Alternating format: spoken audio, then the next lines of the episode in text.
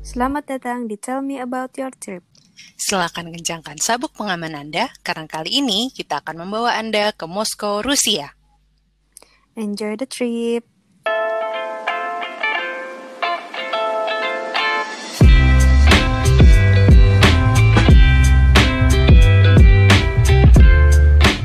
Halo Dohet. Halo Ica.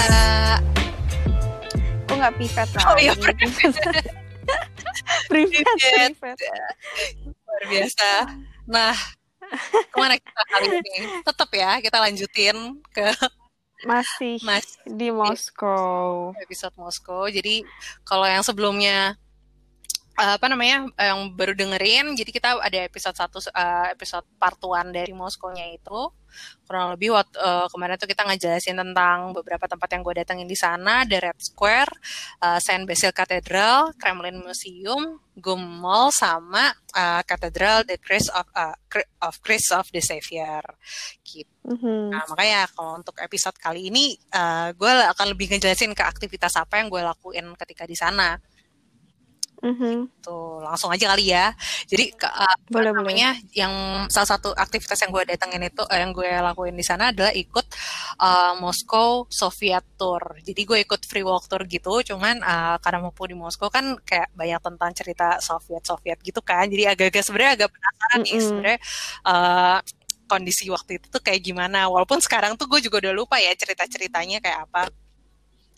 Cuman, uh, menurut gue cukup cukup ini sih recommended untuk datengin ada beberapa vendor sebenarnya waktu, uh, waktu di sana cuman gue pilihnya yang ya udah yang gratisan aja gitu kan So, terus yang jalan jalan kaki Hmm. tempat-tempatnya sebenarnya salah satu uh, lima tempat yang gue jelasin di uh, enggak sih lebih ke empat pertama itu uh, yang di, gue jelasin di awal itu emang uh, diikut ikut disebutin ketika di sana ketika ketika tur itu. Hmm. makanya eh, biar sambil tahu latar belakang cerita dari masing-masing tempat. Ikut si eh, free walk tour gitu. Dan eh, bisa cocok logi apa pemerintahan Soekarno Soeharto ketika pemerintahan Soviet sih. Gue kayak lumayan karena eh, insightnya cukup banyak terus gue sama Kalista juga jadinya eh, apa namanya kayak oh ini kayaknya mirip-mirip sama kondisi di Indonesia waktu itu. Cila bisa aja lu Jadi kritis ya, berpikir kritis ya. Oh, dulu kan kayak juga gini. Seingat gue tuh salah satunya ada yang kayak apa? Pem- eh, pelita. Dulu kan kayak Soehar- Soeharto tuh ada pelita pembangunan lima tahun. Soeharto ya. Mm-mm. Yang itu di mana si Joseph Stalin tahun 1920-an tuh juga ada namanya eh, five year plan gitu. Terus yang kayak ya, Hmm. metode-metode diktator atau gimana lah gitu. Cuman gue tidak gue tidak menjelaskan leb- eh, lebih lanjut tentang per eh, Sovietan atau di di sini. Gue lebih ke tempat-tempatnya aja ya. Jadi sebenarnya kalau tempat daripada ininya dicekal nanti podcast kecekal serem juga. Jadi mm, Ya ya ya. salah satunya mungkin kalau bisa dari eh, ada di ini sih apa namanya di 00 eh, eh, di peta yang 00 Mm-mm. Moskow map yang lebih eh, jauh. Jadi kalau kelihatan di Mm-mm. sana, sebentar gue zoom in juga. Eh, jadi intinya kan gue startnya emang dari Kremlin, terus ada ke eh, lewatin Gum. Nah Mm-mm. itu terus gue lebih ke eh, tempat yang eh, ke sebelah ada namanya ya bahasanya gitu juga lagi Eh, City Hall kelihatan City Hall sebelah kiri Eh, apa namanya jalan besar di jalan besar itu namanya Traverskaya Oke. Eh, ta- ta- type type cekaya kalau di situ tulisan. Kalau itu kan pakai bahasa ini krilik. Iya iya iya. pokoknya eh, rutenya sekitar jalan 2 kilo. Cuman yang gue inget sih yang dilewatin tuh ada gue ngelewatin kantor bekas kantornya GKB.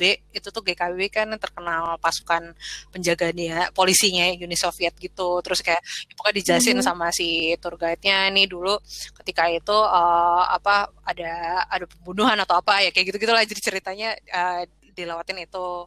Terus ada namanya Bolshoi, Hmm. Bolshoi Theater. Itu tuh pertunjukan tempat kalau sekarang sih tempat Hmm. pertunjukan balet. Bahkan kayak salah satu jadi tempat salah satu apa sih eh, sekolah balet terkenal. Jadi kayak kalau misalnya perbaletan orang perbaletan tuh kayak oh lo Akademi Bolshoi. Nah itu kayak salah satu yang udah gitu. Paling hits lah ya dunia ya, gitu. bukan ibu kota lagi, Hmm. jadi udah seluruh dunia. Cuman dulu emang Oke. sempat dipakai sebagai tempat pertemuan kayak gitu-gitu. Terus, Oke. nah si sepanjang jalan yang eh, Traverse Kaya Street itu ada beberapa Hmm. icon sih di sana. Pokoknya salah satu yang gue ingat juga ada McDonald pertama di Rusia. Nah, McDonald pertama di Rusia itu eh, cukup apa namanya cukup eh, ikonik karena ta- itu tahun 90 waktu eh, tadi gue cari di Google itu tahun 90 dan menandakan selesainya perang dingin karena kan McDonald kan eh, apa ikonnya apa sih eh, Amerika Amerika dan ya. uh, kok konsumerisme ya itulah eh, ideologinya dia lah gitu sebenarnya kan kapitalis, Kapitalis. Si kapi- kapital ini padahal waktu itu udah ngelotok banget nih perbincangan ketika setahun lalu tapi sekarang udah buyar nah si kapitalis uh, dan apa untuk masuk ke Rusia itu pertanda ya udah udah bisalah masuk ke ideologi-ideologi lain gitu ketika itu terus habis itu Hmm. ada yang namanya uh, House of Union itu tempat uh, pertemuan gitu cuman jadi tempat si Joseph Stalin disemaya disemayamkan sebelum akhirnya dipindahin ke Kremlin gitu terus ada Hmm. juga Nih, gue mau pertanyaan Yes, yes. bodoh sedikit. Lo ini lo tur- turnya berarti jalan jalan kaki dua kilo muter gitu Oke. sekitar berapa ya dua jam Oke. sih apa namanya muter muternya nggak terlalu Hmm. nggak terlalu melelahkan juga sama ada lagi Oke. eh, apa oh ya oh sebenarnya kan gue ada fotonya ya nih kita sambil sambil juga bodul nah kalau yang si 06 06A itu tuh yang tadi House of Union yang tempatnya si uh, apa Mhm. disemayamkan terus habis itu ada juga eh, apa namanya eh supermarket namanya El Elisevski itu tuh 24 eh, Mhm. supermarket 24 jam tapi eh, dekorasi kan kayak Mhm. unik-unik gitu ya agak-agak apa namanya ada patung-patung Mhm. gitu Bagus itu banget. dibukanya tahun Hah? 1900 seingat gue tuh eh, ini kayak tapi agak-agak premium sih jadi mac- macam ranch market gitu apa hasil Oke, jualannya. oke.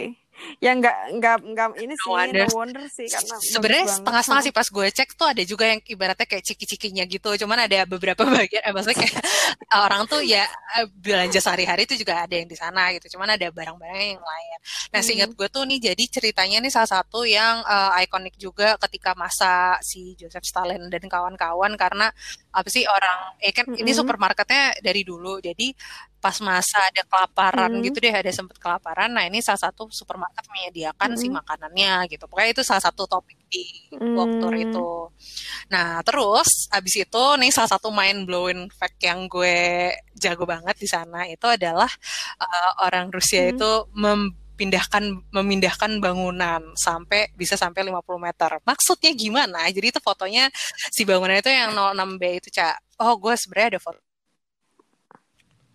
di Instagram gue. Nanti gue juga akan masuk yang itu. Jadi itu intinya gini. Jadi di jalan raya yang tadi gue tunjukin itu, itu tuh awalnya gedungnya tuh Mm-mm. di ini kan tahun berapa ya? Tahun 1800 loh. Padahal dari 1800 tadinya tuh ada bangunan di sepanjang jalan itu. Cuman ketika pemerintah Hmm. lagi mau di melakukan pelebaran, terus lah gimana dong gitu kan? Masa bangunannya di ini dihancurin, jadi mereka mindahin, mindahin gimana? Jadi apa sih tanah apa namanya si tanah bawahnya itu tuh di- digali sampai kayak fondasinya. Mm-mm. fondasi di, di dirapihin gitu lah terus habis itu lo apa eh, terus lo geser gitu cak. Kebayang gak sih? Jadi bawahnya kayak kayak house kayak up gitu kayak up. Kan up itu kan si rumahnya diangkat ke atas. Up Iya, gue ngerti sih digali sampai pondasinya, cuma gue nggak kebayang ngegeser tuh kayak kayak dorong kasur aja gitu. ya ya ya ya semacam itu sih ada rail tracks-nya. Jadi awalnya itu ya, jadi awalnya pertama Oh. banget eh, sebelum sebelum si sejalan besar sebenarnya ada ada kota salah satu kota di di Rusia itu tahun 1800-an nama apa ka- tukang kayu dia tuh disuruh mindahin gereja Mhm. sama ceritanya karena eh, make room for eh, another building nah hancurin dia pindahin deh tuh eh, si gerejanya gitu dimundurin beberapa meter. Terus ya udah akhirnya eh, jadi inspirasi buat si jalan raya itu. Jadi kalau misalnya gue cari di googling ini adalah eh, termasuk si gedung yang si 06B itu residensinya tuh nggak dipindahin. Jadi si orang-orangnya tuh di dalamnya masih masih oke-oke aja gitu nggak ada nggak ada pindahin barang segala macam apa interpreted res Gila bingung were not resettled, uh, resettled during the relocation and all engineering communication continues to work as normal. Jadi kayak ibu Wah, ini ini ini jawaban atas eh, ini ya. Atas eh, konflik apa relokasi oh bisa jadi sih bisa di ini ya bisa diajuin ya. Terus uh, nih apa technically the procedure was carried out following the manner. Steel tracks were laid along the perimeter of the foundation. Jadi ya bawahnya itu ditambahin uh, apa sih rel rel rel track lah gitu. And special orifice oh Hmm. didongkrak gitu cak jadi di ah, di digaruk digaruk terus ditambahin apa namanya tra- uh, track terus habis itu lo pompa dikit ke atas terus lo dorong. Sebuah engineering. Ditambahin track, dipompa, didorong. Aduh, bingung banget. Jadi dia punya roda di kakinya apa ya gimana ya? kayaknya ya track. ada ada rodanya juga sih soalnya ini kalau misalnya di kantor ah, di di ini gue sih di apa construction yard gue waktu itu emang ada ininya ada tekniknya jadi gue agak-agak kebayang cuman kalau uh, nanti gue Oke, sambil gue googling. gue bakal cari atau udah cari videonya deh. gue kan bisa nyari YouTube ini deh apa, per- pemindahan gedung di Moskow. Eh, nah, terus ya udah itu eh, itu tuh itu sekilas dari Sovi, eh, Moskow Soviet Tour. Jadi makanya pas eh, pas lagi walking tour itu cukup banyak insight dan cerita-cerita seru di balik eh, si Soviet Rusia ini. Kayak eh, Hmm, harus hmm, hmm, datang, harus coba. Next, aktivitas selanjutnya yang biasa dilakukan adalah metro tour. Jadi kalau emang Rusia itu terkenal sama si eh, apa namanya sta- stasiun apa stasiun kan bener ya? Ya apa namanya si stasiun Mm-mm. apa undergroundnya da- bawah tanah. Jadi Mm-mm.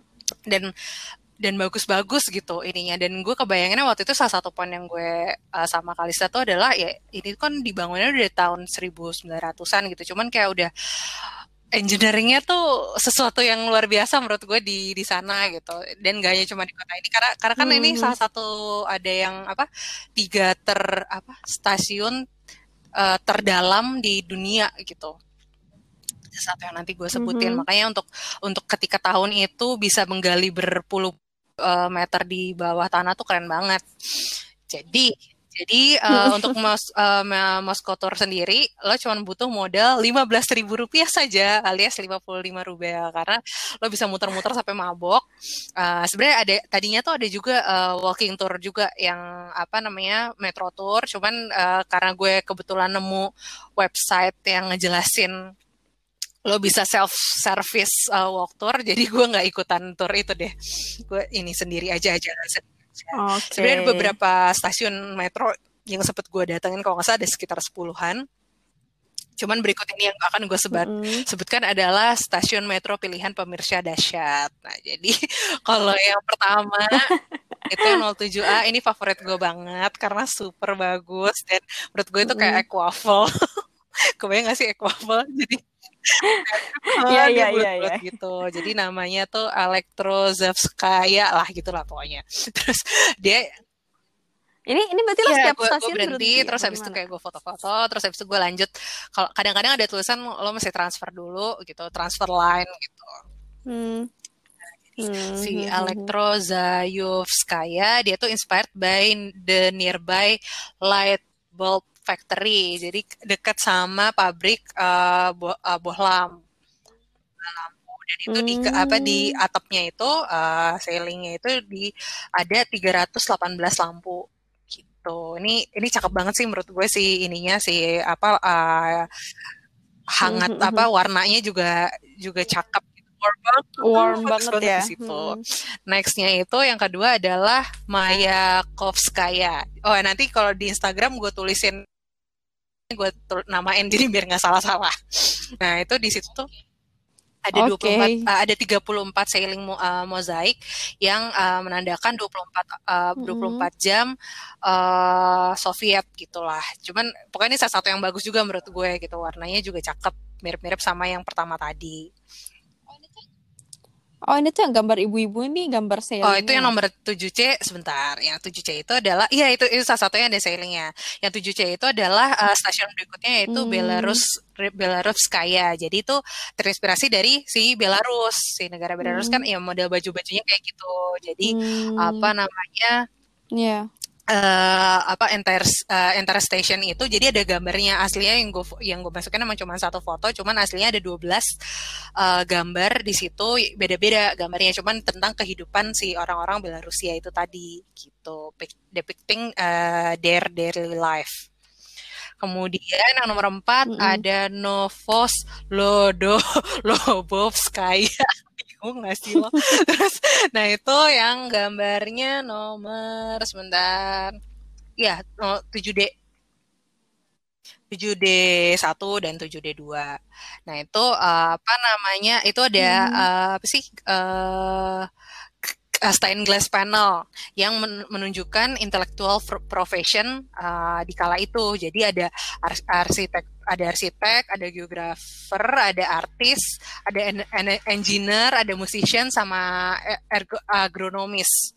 Jadi kayak tahun itu 1900-an dianggap sebagai profesi-profesi yang intelek. Makanya kan ketika ada engineer, gue foto deh tuh ya si engineer. Hmm. Terus habis itu yang sisanya sih ada geometric drawing, jadi kaca-kaca patri gitu. Cakep juga sih. Terus yang nomor 5 itu yang uh, 7E itu adalah Plosat Revolsky. Jadi name after Revolution Square.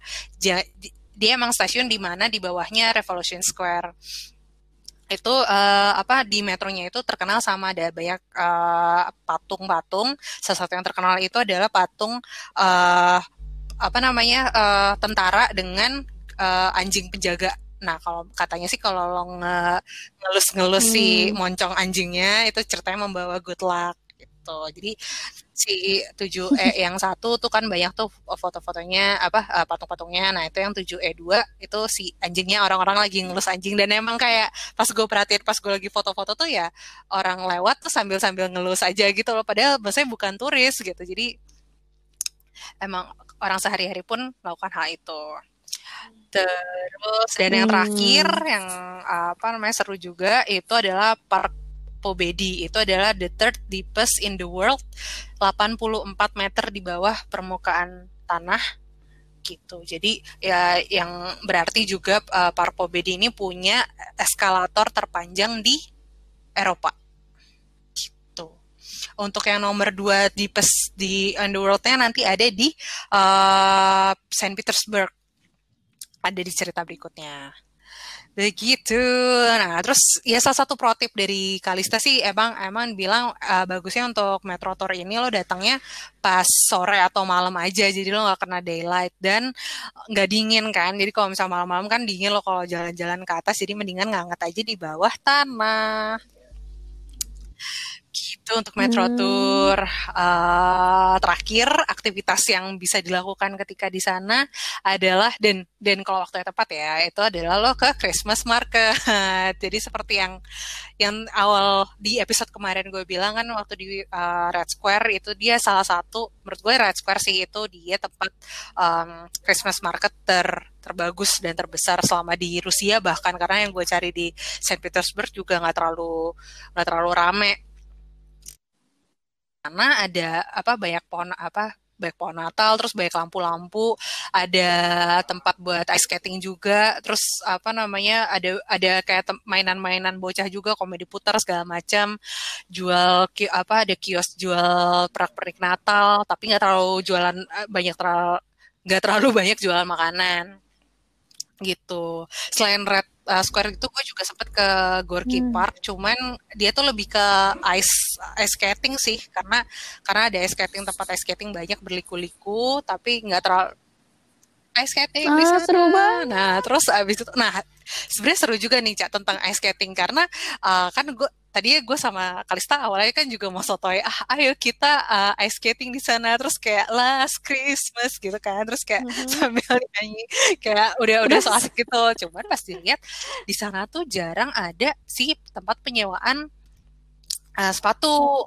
Terus gue pikir-pikir uh, malah oh. banyaknya tuh uh, ini apa namanya tempat pe, apa uh, booth buat kayak repair ataupun kayak najemin sepatu ya gue kurang tahu sih. Cuman jadi kayak lebih banyak ke Mhm. buat maintenance gitu. Terus gue pikir-pikir wah ini jangan-jangan orang warga sekitar tuh kayak satu orang punya satu gitu sebagai bentuk investasi gitu kan sekeluarga. Iya, iya, gitu karena dan mungkin emang karena winter, winter ya. lebih lama maksudnya kalau lebih dingin jadi eh, emang eh, eh, nggak cuma pas pasti ada doang cuman salju beberapa juga. bulan gitu. Terus kalau foto-fotonya kan eh, cakep sekali gitu. Itu kan yang pas yang 8A itu masih agak siang. Nah cuman yang pas udah malam tuh lampu-lampunya cakep bet gitu. Gitu. Terus apa itu Mhm. lampu-lampunya ini yang di Red Square sih kebanyakan yang gue fotoin yang untuk di yang 8 gitu. Ya Oke, cakep sih. gila eh, Cakep banget. Wow. Nah, Ah, kalau yang Ini kalau yang beneran yang kan? terakhir-terakhir itu udah malam beneran. kalau enggak bingung Oke. aja kita. Oh. Nextnya eh, itu sih kurang lebih aktivitas yang di yang dilakuin ketika di sana. Nah, pertanyaan lanjutnya nih Mm-mm. adalah makan apa aja selama di sana. Jadi eh, kalau makanan sendiri Mhm. sebenarnya em, gue udah cepet cari sih waktu itu apa namanya makanan apa aja yang patut dicoba. Salah satunya tuh yang terkenal adalah bors, yaitu sebenarnya dia sup sa- eh, sayur buah s- kayak sop sayur, cuman eh, merah-merahnya tuh buah bit dari buah bit. Rasanya sih mirip sayur ya sayur sop ayam aja gitu. Mhm. Cuman karena ada sop ayam ya jadi Sop eh, ayam. kuahnya tuh bening terus ya ada ada kentang ada ada ayam ada apa namanya ada wortel ada seleri kayak gitu-gitu. Cuman yang membedakan dia warnanya merah. Agak lebih kental sih sedikit cuman kalau diperhatiin lebih lanjut dia sebenarnya eh, encer. Eh, Hmm. apa namanya terus ada pelmeni atau dumplings terus ada blini crab ada pirovski roti goreng ada donat juga yang beberapa item nanti mungkin uh, gambarnya akan gue jelasin di yang episode-episode lainnya ya cuman yang pas gue datengin ke sana itu ada empat tempat sih Hmm. ada empat restoran yang gue datengin selama di Moskow yang pertama ada uh, Stolovaya 57 jadi si Sto- Stolovaya itu artinya sebenarnya Mhm. lebih deket ke kantin bahasanya. Kalau kata Kalista tuh warteg. Jadi uh, apa Mm-mm. Umumnya Oke. itu se, se- sepenglihatan gue umumnya kayak restoran di sana tuh modelnya kayak gini kayak kayak kayak kantin barak gitu, Cak. Iya, iya. Lo pernah ke Muji restoran pernah iya sih pernah lihat ya ya ya semacam ah, ah. Iya, Modelnya kayak mirip-mirip kayak gini-gini gitu, juga. cuman Heeh. kayak banyak gitu loh kadang-kadang kalau gue liat gedung apa lewat gedung apa terus kayak suka gue ngintip itu dalamnya juga kayak gitu jadi Mm-mm. modelnya barak terus tempat uh, kursi sama mejanya Hmm. banyak ya udah orang apa bay- bayarnya di ujung kayak gitu-gitu Eh, uh, bukan bukan ala oh bukan ya. ala carte ala carte tuh pras- prasmanan atau enggak pesen di Ala oh enggak enggak, enggak. carte yang ya lo apa ah, namanya menu. sendok-sendokin sendiri atau segala apa atau atau sebenarnya ada mbak-mbaknya sih minta ini tunjuk-tunjuk gitu nanti ujungnya bayar gitu Hmm. dan mm, salah satunya si Stolova, eh, Stolovaya ini adanya di GUM ini makanya salah satu gue yang yang gue makan ketika pas di mall tadi terus eh, apa namanya dia ada Google Tra- ada Hmm. ada translatean makanannya ada translateannya jadi eh, tidak perlu khawatir akan bingung Terus yang nextnya itu adalah Black Star Burger. Jadi pas gue nonton si tontonan Korea yang tadi gue cerita itu, yang kemarin gue sempat cerita, salah satu si tokohnya itu ngeceritain tentang si Black Star ini kayak dia apa food chain uh, salah satu food chain terkenal di Rusia. Dia yang punya tuh rapper lah gitu dan dia mempunyai berbagai bisnis. Nah, uh, dan uh, dia ada beberapa Hmm. lokasi. Jadi menurut gue ini kayak semacam geprek bensu sih jatuhnya kayak dan, dan pas di dalam apa sih itu juga kayak diputerin tuh lagu-lagu si rappernya. Dia jualan si lagu juga terus Baik. dan murah banget. Jadi si beef burger ini harganya 18.000 aja rupiah 18.000 rupiah. Terus gue bingung what? Gitu. Apa ya lumayan lah cukup cukup desain lah. Makanya waktu gue belinya dua kali. Jadi pas yang keduanya gue belinya sih gara-gara lapar ngumpul 18.000 gitu dan terakhir eh, enggak ter- eh, yang ketiga itu ada Va- eh, Varencina nomor satu. Jadi eh, itu yang eh, fotonya 10 10C jadi uh, dia tuh restoran restoran keluarga gitu. Makanya yang mm -hmm. 10C yang nomor 4 tuh kayak yang family gitu kan. Apa yang Christmas Christmas gitu juga makanya hangat hangat. Nah makanya yang terkenal yang tadi pelmeni itu dumplings. Dia dumplingsnya kuahnya kuahnya sedikit lah gitu. Ada isinya jamur ataupun ayam terus sama si bors tadi. Sama terakhir mm -hmm. itu yang gue coba uh, namanya mumu. Tulisannya sih mai mai apa my my nah itu modelnya sama lah sama yang si kantin yang nomor satu gue bilang tadi. Dan itu uh, lokasinya kalau yang gue makan itu di deket Kremlin. Dan itu kayak apa ya kayak emang kalau family resto tuh beneran samping gue tuh ada uh, bocah-bocah banyak kayak anak SD gitu lagi acara ulang tahun traktiran gitu. Makanya jadi kayak emang restoran keluarga lah Nah, terus yang menarik hmm. sih, jadi dia tuh uh, apa? Si kan gue penasaran ya si Stolva, selama gue makan si kantin sama si Black Star Burger ada tulisannya no pork no lard gitu terus wah tumben amat di negara apa dia kan udah agak-agak inilah barat ya gitu. Dia itu tapi kayak bisa bisa nge-state itu nggak ada mm-hmm. babinya gitu kan. Ternyata pas gue googling itu Rusia itu emang mayoritas uh, Kristen Ortodoks di mana gue tadi sempet nyari sedikit cuman gue takut salah juga. Cuman intinya tuh kayak dia mereka juga dibatasi untuk nggak makan uh, babi salah satunya. Makanya menurut gue ya sebagai ya kan gue emang nggak apa gue agak-agak nggak terlalu strict ya. Cuman asal nggak babi banget gitu cuman uh, apa lo bisa cukup aman lah makan di sana gitu. Pilihan chicken ataupun apa namanya sayur-sayur gitu juga banyak sih pas di sana jadi tidak perlu takut. Terus apalagi ya in terms of makanan Alfamart tuh di sana agak jarang cak jadi susah. Tadi kan rencananya mau coba cari-cari ini ya apa namanya jajanan-jajanan lucu gitu. Cuman nggak nggak karena jarang jadi nggak ketemu juga terus apalagi ya kalau mi eh, minum uh, di air di sana nggak bisa langsung diminum. Jadi emang paling bener loh bawanya langsung dari dari hostel. Begitu tentang makanan. Terus oke okay, uh, mm-hmm. beres tentang makanan paling sisanya sih gue uh, agak-agak cerita tentang tips dan trik juga kali ya. Jadi pas di sana untuk bahasa dulu bahasanya di sana kan sebenarnya dia pakai sir sirilik ya apa tulisannya Mm-mm. Nah, Jadi, gue juga mau nanya sih. Uh, gue di gue nemu di internet itu yang ilustrasinya yang bikin si uh, tulisan Korea kemarin. Jadi how to read Cyrillic uh, Russian Cyrillic in 15 minutes. Ternyata yang bikin sama-sama sih Korea orangnya. Jadi uh, nanti gue taruh okay. di uh, Instagram juga si gambarnya cuman itu sangat berguna menurut gue uh, dia mirip Korea sih ini ya maksudnya maksud gue kayak apa ya selama lo tahu apa angka apa ternyata uh, uh, huruf apa dibacanya apa so far aman-aman aja gitu jadi kayak emang misalnya Moskow mm -hmm. gitu tulisannya kan Mokba gitu cuman mm -hmm. kalau misalnya lo tahu padanan kartanya apa padanan hurufnya apa mm -hmm. ya akan terbaca Terus ya gue sih mm-hmm. berapa hari di sana, 10 mm-hmm. hari di sana cuman taunya spasiba doang. Terima kasih kayak masih aman-aman aja. Kali tadi lebih ini. Cuman kayak uh, bahasa Inggris okay.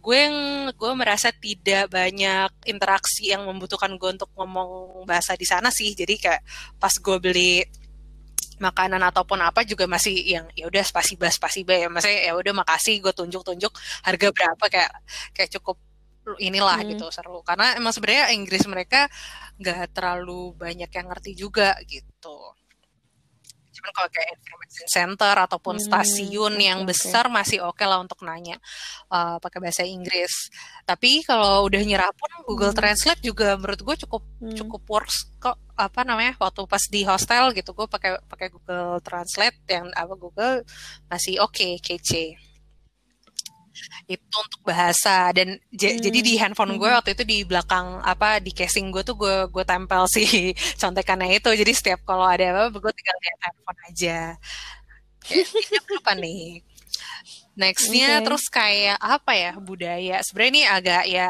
dari peng, peng, penglihatan gue waktu itu sih dan dari Kalista juga apa pas kita bahas jadi kayaknya karena terbantu kalau dari appearance ya misalnya dari dari bawaan kita kan apa kan Kalista kebetulan pakai kerudung gitu kan dan si Kristen Ortodoks itu dia tuh pakai Mm-mm. pakai kerudungan juga cak sebenarnya jadi kayak lo kayak si itu Marsha and the Bear Hmm. dia kan kayak pakai cuman modelnya emang ada ya a- ya kalau lo berponi ya Oh, lo iya, jadi iya, agak po- ada poninya di depan dikit gitu kalau enggak ya udah dan emang lagi musim Hmm. dingin jadi orang kan pada kukupan jaket gitu pasti kan kayak kayak gue kebayangnya sebelum berangkat ah apa nanti kayak mereka pada ngeliatin kita gitu kan pada yang Hmm. uh, termasuk yang apa warna kulitnya berbeda cuman Hmm. karena karena agak cukup tertutup jadi nggak terlalu stand out gitu dibandingin ke pas jalan Ah, terus Mm-mm. dan Mm. menurut gue pas di metro eh, pas di kereta atau di mana juga mereka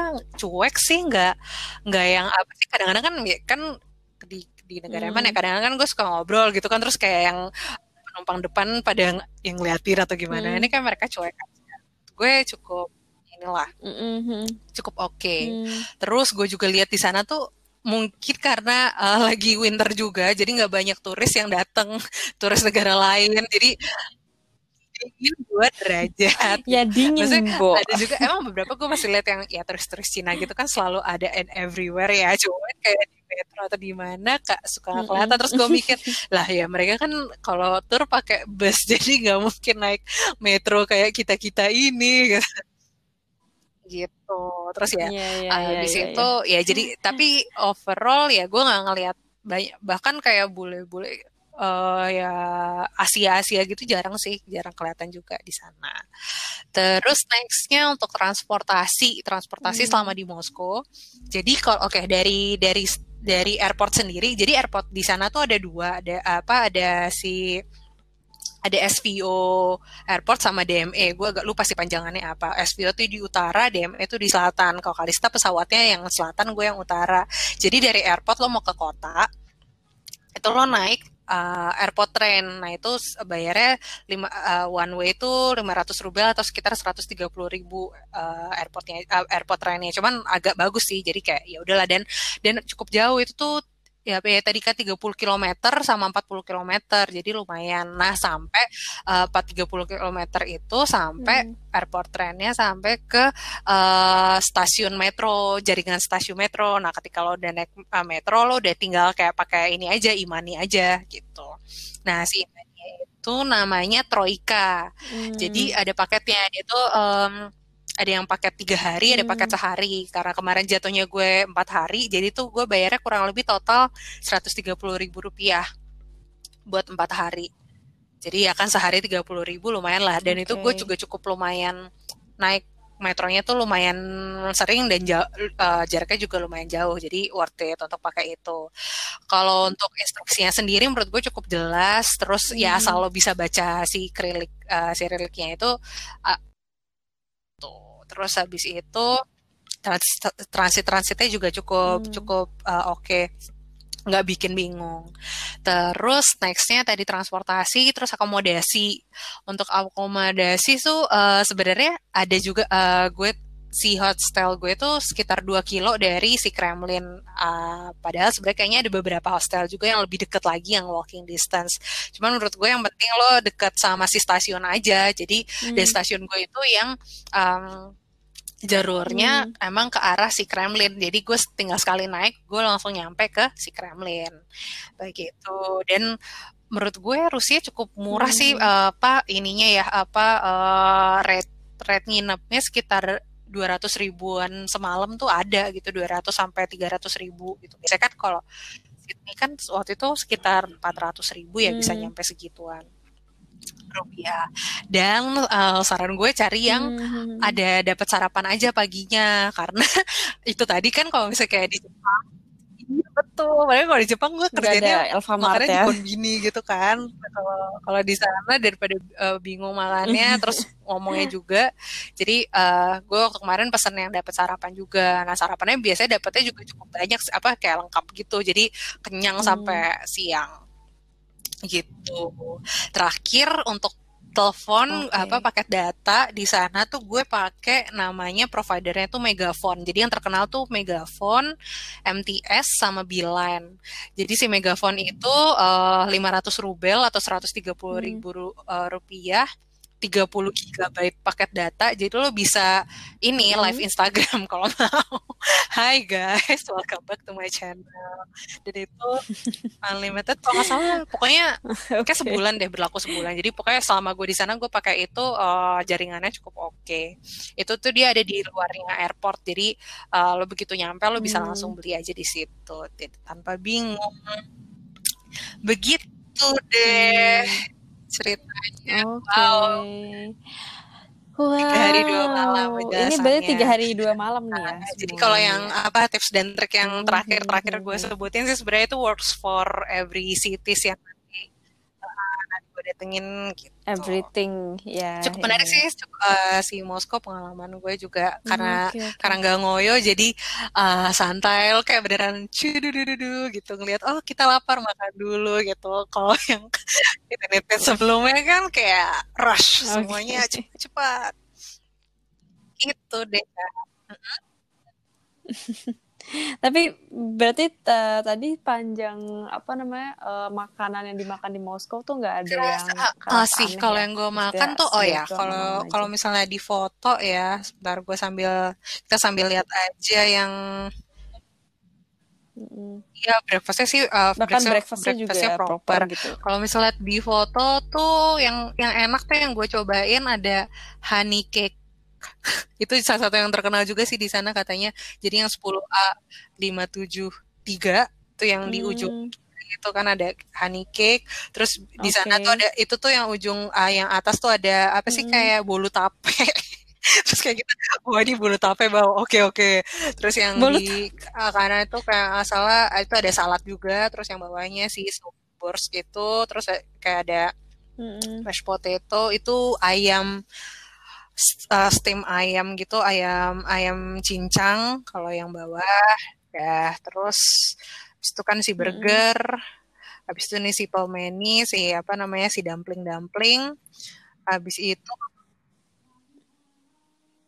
nggak ada yang inilah ya oh, nggak ada yang ada sih. Rasanya ya agak ya offside gitu. layaknya makanan aman-aman aja barat ya juga sih. Maksudnya si menurut gue yang paling berbumbu ya si sup hmm tadi sih. oke. Maksudnya yang yang agak itu yang si uh, Mai Mai tiga si roti goreng. Nah itu si Hmm. roti goreng itu cukup terkenal si panada.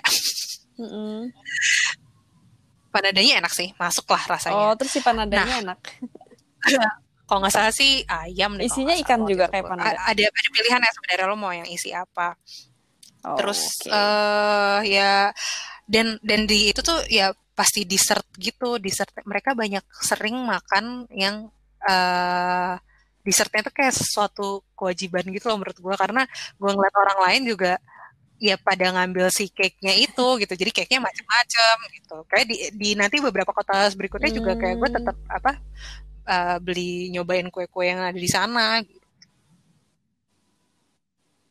Cake wow juga itu lucu-lucu gitu ya. cakep-cakep banyak gitu. cake cake Ini di inian lagi deh. Cuman waktu itu kayak gue, gue sempat oh cari juga si makanannya si Rusia itu pengaruhnya dari mana gitu kan. hmm Terus kan kayak ada dari antara dari mana Mm-mm. namanya pengaruh-pengaruh eh Cina-nya juga ada kayak dumplings dumplings gitu. Tapi bumbu in terms of bumbu-bumbu juga. Eropa Timur Hmm. kayak gitu-gitu lah. Jadi ada ada masuk ininya apa pengaruh-pengaruhnya tuh dari mana. Hmm. Nanti deh kalau informasi sel- selanjutnya eh, di episode berikutnya gue akan jelasin lebih lanjut lagi. Oke, ada lagi yang ingin ditanyakan? Oke. Wow. Sudah sejauh ini aku tidak Kayaknya sabar episode eh, lanjut berikutnya ke ini aja sih kota berikutnya ke Episode Murmansk berikutnya. aja. Kita melihat bagaimana pengalaman melihat si. Aurora dan eh, apa namanya Siberian Aurora. Husky dan oh, Siberian Husky itu juga ini apa namanya.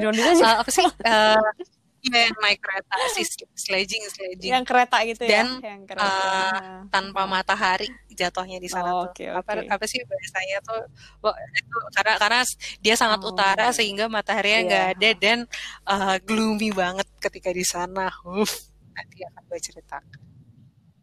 Betul, itu hmm. ngaruh banget ternyata dan gue baru nyadar. semangat hidup. Oke. Oke. Oke, oke. Jangan lupa cek Instagramnya ya. Bisa kali ini. Oke. Oke, sampai ketemu lagi next episode.